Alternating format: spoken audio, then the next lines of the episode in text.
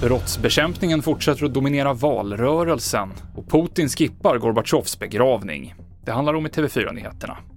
Ja, vi börjar med valet. Socialdemokraterna vill att Sverige ska ha 50 000 polisanställda inom 10 år. Minst 34 000 av dem ska vara uniformerade poliser, något som ska kosta tiotals miljarder enligt S. Och det är brott och straff och lag och ordning som dominerar valrörelsen just nu.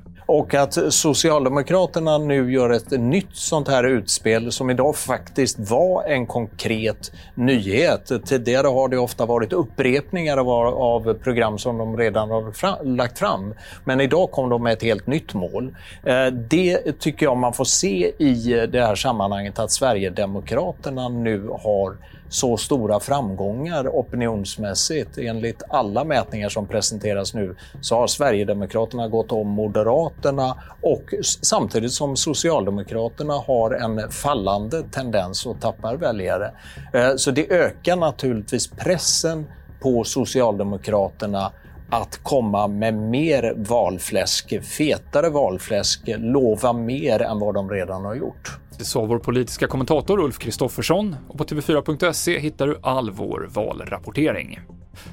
Inspektörer från det internationella atomenergiorganet uppges nu ha kommit fram till kärnkraftverket vid Zaporizjzja i Ukraina.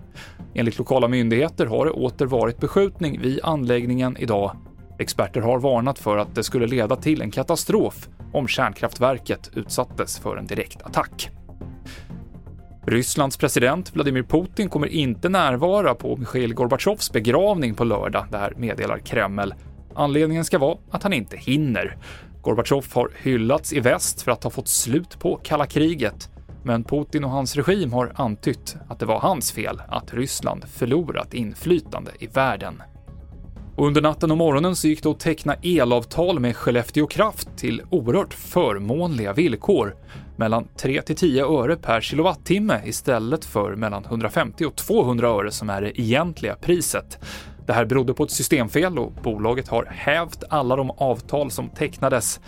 Under dagen så har det varit problem för Skellefteå Krafts hemsida och bolaget tvingades stänga telefonväxeln på grund av hårt tryck, det skriver Norran. TV4-nyheterna med Mikael Klintevall.